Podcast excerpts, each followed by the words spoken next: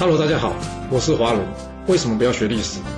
因为学历史会让你了解到顶层阶级的思考方式，成为他们的竞争者，所以他不希望你去学。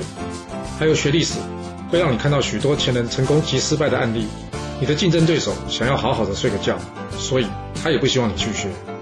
最重要的是，学历史会让你了解人性，你的老板以及同事都希望你保持天真的心，所以他们更不希望你去学。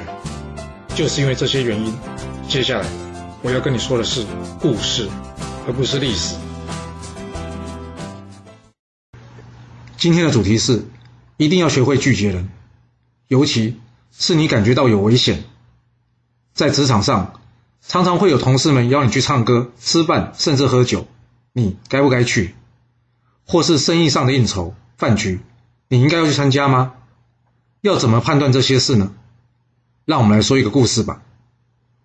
春秋初期，齐襄公，也就是齐桓公的爸爸，他想要娶这周天子的女儿，于是他向周天子去提亲，在周天子同意下，决定将自己女儿嫁给这齐襄公，并且让当时鲁国的国君鲁桓公帮他们主婚。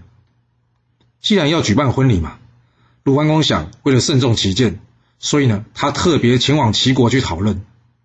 这时。鲁桓公宠爱的妻子文姜，也就是齐襄公同父异母的妹妹，他说：“我也要一起去齐国。”这大臣们都建议鲁桓公不可以这么做，因为在古代嫁出去的女儿，除非是父母还在，每年可以回家一趟，叫做归宁。假设父母已死，依照礼法是不可以回家的。但是由于这鲁桓公呢非常宠爱他的妻子，熬不过他的请求，最后没有采纳大臣建议。还是带着这文姜呢，一同前往齐国。来到齐国之后，鲁桓公先与这齐襄公见面，讨论婚礼的事情。齐襄公只是草草的谈论了一下，随便决定了婚礼进行的方式。会后，齐襄公请鲁桓公吃饭，饭才吃到一半，鲁桓公的老婆文姜就说他想要去看看老朋友。鲁桓公不疑有他，就让文姜先离开了。没多久，这齐襄公也找借口要离席。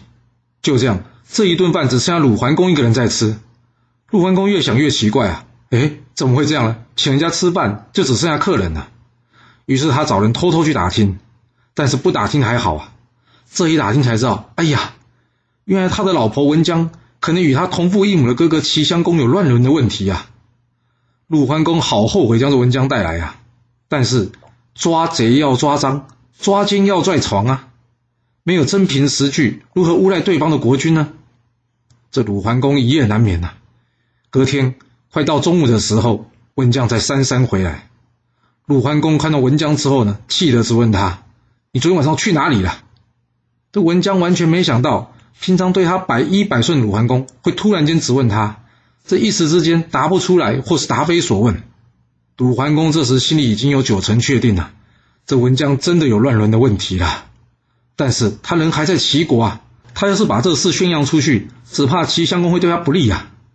于是他随便找个理由，请人向齐襄公打个招呼，说：“哎呀，他有事要赶回去鲁国。”这齐襄公是坏蛋，他不是笨蛋呐。他做的这些见不得人的事，心里早有提防了。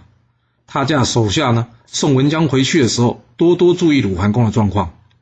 手下的人呢，早就向他来回报啊，说这文姜回去之后啊，被鲁桓公一再质问。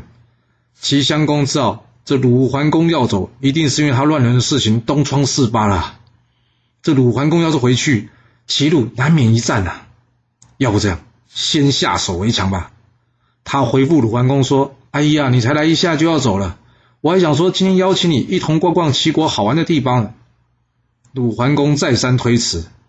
齐桓公说：“哎呀，我们就简单逛逛嘛，之后我再请你吃顿饭，算是帮你践行。”你不会这样的面子都不给我吧？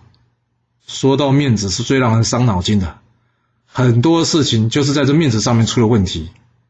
鲁桓公虽然知道齐桓公不怀好意，但是按照古礼，客人离开主人践行是有这种说法的，而齐桓公又说不去吃饭是不给他面子，于是呢，他碍于这个面子，还是答应了齐襄公与他一同逛逛并吃饭。这一路上并没有什么异状啊。而且饭菜也没下毒啊，难道是鲁桓公想太多了吗？这鲁桓公的心情郁闷，没有注意的多喝了几杯酒，没想到醉晕了过去。看到鲁桓公醉晕过去之后呢，齐襄公请人呢将他送回去。但这个送鲁桓公回去的将军可是一位力大无穷的人啊！之前郑鲁联军与齐国交战的时候，这个将军被鲁国射伤，他一直想报这一箭之仇。齐襄公告诉这位将军，现在是机会了，他要他找机会杀了这鲁桓公。由于随行的齐国将军身上都没有兵器，所以鲁桓公随行的人员呢也没多做提防。就在这鲁桓公的车子快要达到他的行馆的时候，这位将军呢突然间用力一扯，当场拔断了鲁桓公一条手臂。哇！痛的鲁桓公大叫，之后因为流血过多而死。在旁的人哪里不知道车子里面发生什么事啊？但是大家也知道这将军神力过人啊，加上现在大家都在齐国境内，哪敢多说什么？只好装作不知道，任由这个将军大喊：“鲁国国君突然病倒，赶紧送回去行馆，叫医生来。”就这样，鲁桓公命丧齐国。其实，到底该不该给面子，实在很难拿捏。由于大家都不喜欢得罪人，所以一般来说。只要对方说你不给面子，通常就会答应的。生意场上尤其是这样子。但是你有没有想过，你为什么给他面子啊？给他面子，你有什么好处啊？还有，你不给他面子，会有什么坏处呢？大部分人对于面子这件事，都是下意识的直接答应。为什么？因为人情留一线，日后好相见，还是冤家宜解不宜结？都不是。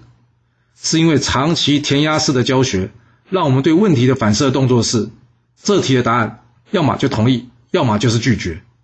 若是同意，在这么短的时间还看不出后面会有什么损害；但是拒绝，马上就会看到对方不开心的表情，感觉得罪了人，那结果很容易就知道了，你会选哪一个了。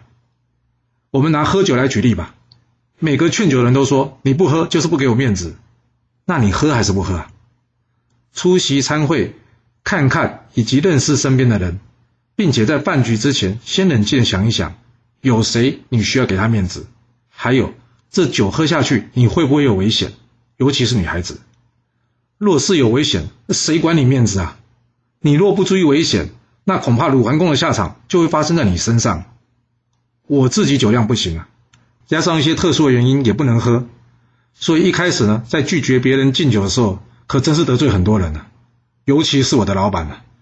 虽然我已经跟他说明我不能喝酒的理由，但是呢，从他表情就可以知道他根本不相信。那你猜后来怎么了？后来我的工作并没有受到影响啊，至少没有因为这样被开除嘛。